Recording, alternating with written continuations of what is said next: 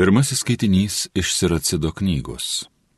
Kaip leidžiant per stalą atsiskiria dulkės, taip betiriant žmogų iškyla jo įdos. Kaip podžiaus žiedybą patikrina krosnis, taip žmogų pažinsi jo šneka išgirdęs. Kokios rūšies medis, tokie ir jo vaisiai, iš to kaip kas kalba, jo vertę suprasi. Ne vieno negirki, kol nesi jo išklausęs nes žmogų ištirsi jo kalbą išgirdęs.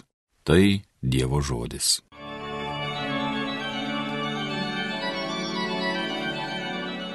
Kaip gera tave, o viešpatie šlovint, kaip gera tave, o viešpatie šlovint, skambint tavo garbiai, aukščiausiasis, skelbti naktimis ir rytmečiui brėkštant tavo gailestingumą ir ištikimybę.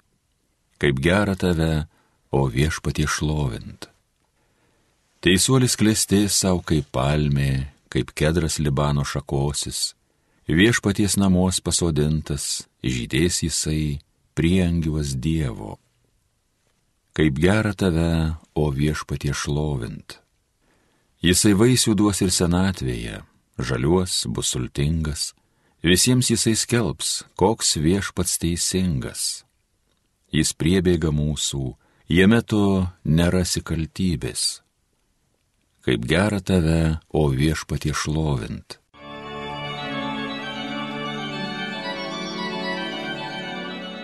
Antrasis skaitinys iš Šventojo apaštalo Pauliaus, pirmojo laiško korintiečiams. Broliai. Kada šis gendantis kūnas apsivilks negendamybę ir šis marus kūnas apsivilks nemarybę, tuomet įsipildys užrašytas žodis - pergalė sunaikino mirtį Kurgi mirtie tavoji pergalė, kurgi mirtie tavasis geluonis?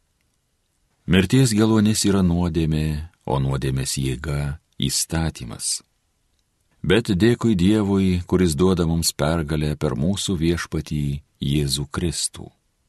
Tad, mano mylimieji broliai, būkite tvirti ir nepajudinami, vis uoliau dirbkite viešpaties darbą ir žinokite, kad jūsų triūsas ne veltui viešpatyje. Tai Dievo žodis. Alleluja, alleluja, alleluja. Spindėkite tarsi žvaigždės visatoje, tvirtai laikykitės gyvenimo žodžio.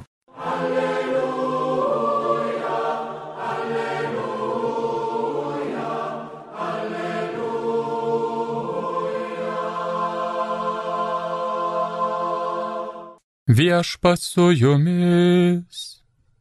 Pasiklausykite šventosios Evangelijos pagal Luką. Jėzus pasakė mokiniams palyginimą, ar gali aklas vesti aklą, argi nebui krinta į duobę mokinys nėra viršesnis už mokytoją. Kiekvienas mokinys bus gerai išlavintas, jei bus kaip mokytojas. Kodėlgi matai krislą brolio akyje, o nepastebi rašto savojoje? Ir kaip gali sakyti broliui, broli leisk išimsiu krislą iš tavo akies, pats nematydamas savo akije rasto. Veidmainy, pirmiau išritink rastą iš savo akies, o tada matysi, kaip iš brolio akies išimti krislelį. Nėra gero medžio, kuris mėgstų blogus vaisius, nei vėl netikusio, kuris mėgstų gerus vaisius. Kiekvienas medis pažįstamas iš vaisių, nuo usnių niekas nerenka figų, o nuo arškėčių neskina vynogių.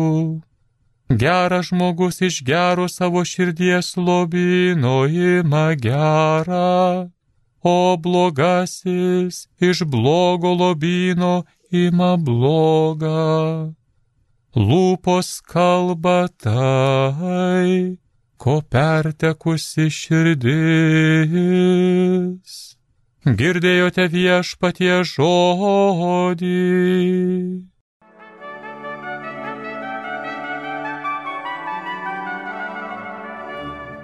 Mėly Marijos radio klausytojai, ar jūs tikrai gyvenate? Jūs nustebę dabar klausote šito mano žodžio ir norite atsakyti, juk jeigu klausome, tai reiškia esame gyvi. Bet ar kiekvienas gyvas žmogus iš tiesų gyvena? Juk ar tikrai gyvenate, to galima sakyti visų mūsų klausia šiandien apašto šventasis Paulius. Kaip jis klausia? Kviečia susimastyti apie mūsų gendantį kūną ir jo negendamybę po prisikelimo pasaulio pabaigoje. Tikras žmogus, gyvenantis žmogus visada privalo mąstyti apie amžinai gyvenimą. Štai rašytojas Eugenijus Jonesko pergyvena dėl savo dvasios trūkumų, dėl gyvenimo bedugnių Apie tai jis rašo eilėraštyje monologas. Ir atvirai prisipažįsta, sunkiausia man ne tai, kad aš gyvenu, bet tai, kad aš negyvenu.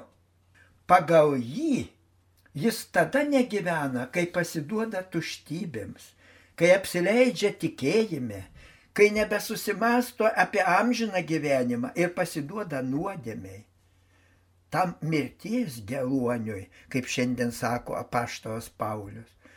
Juk ir pats Saulis buvo toks dvasia myrės, kol Dievas jį pažadino ir padarė Pauliumi, šventųjų Pauliumi.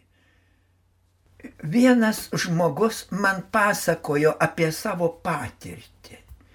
Tėvai nuolat meldėsi, mokė į maldos, jų šeimoje visada buvo malda Jis nuo 14 metų buvo mišių patarnautojas. Klebonas buvo keistokas, labai ramus ir tylus, nekalbus, likas lyptų.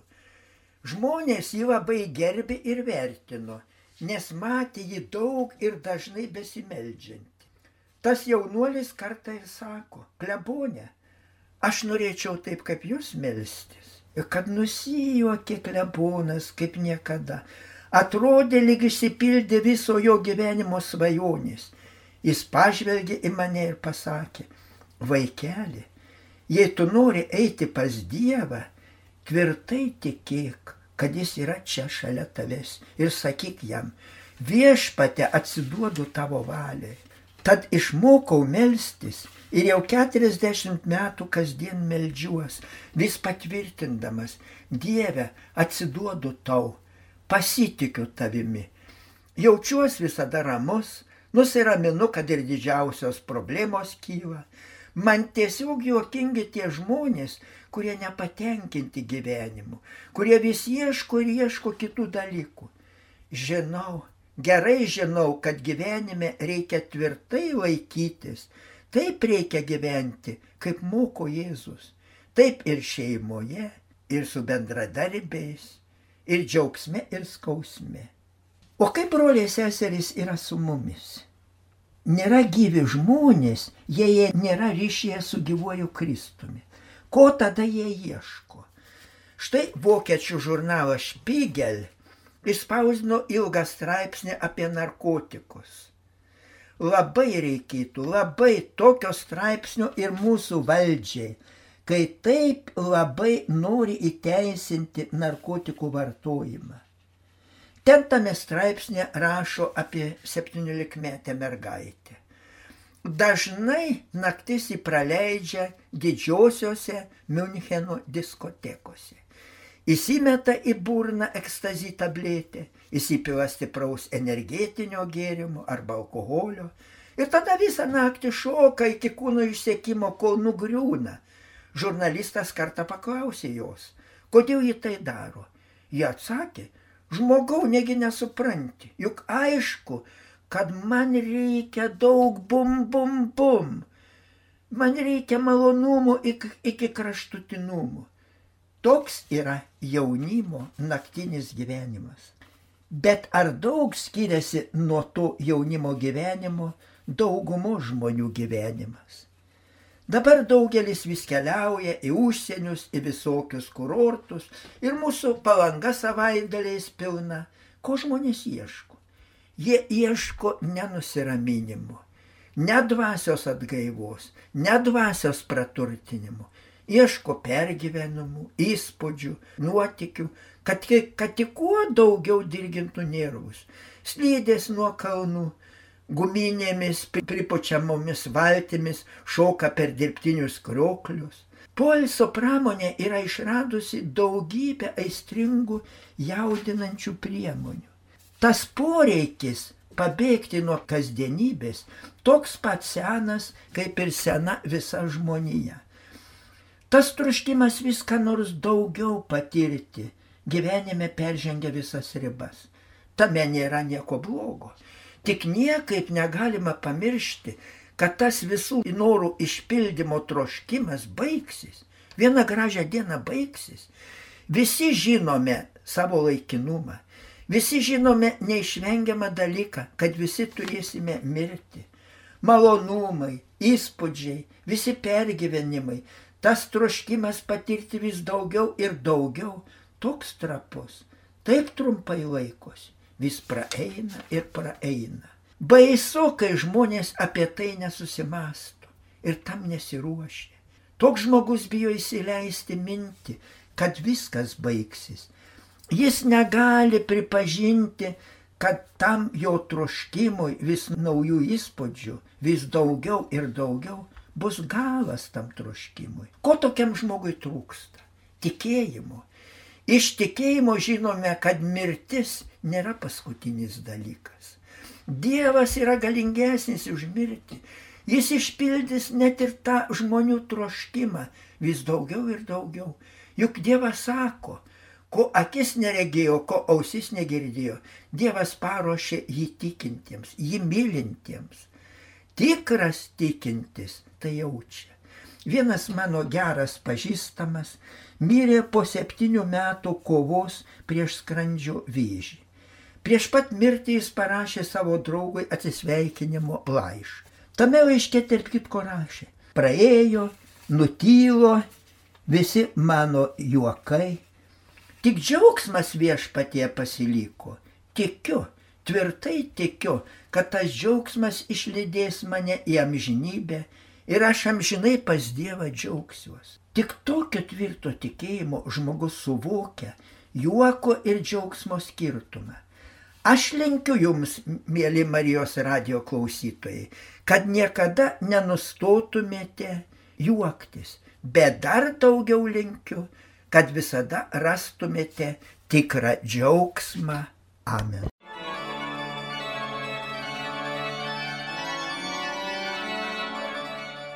Homilyje sakė panevižio vyskupas emeritas Jonas Kauneckas.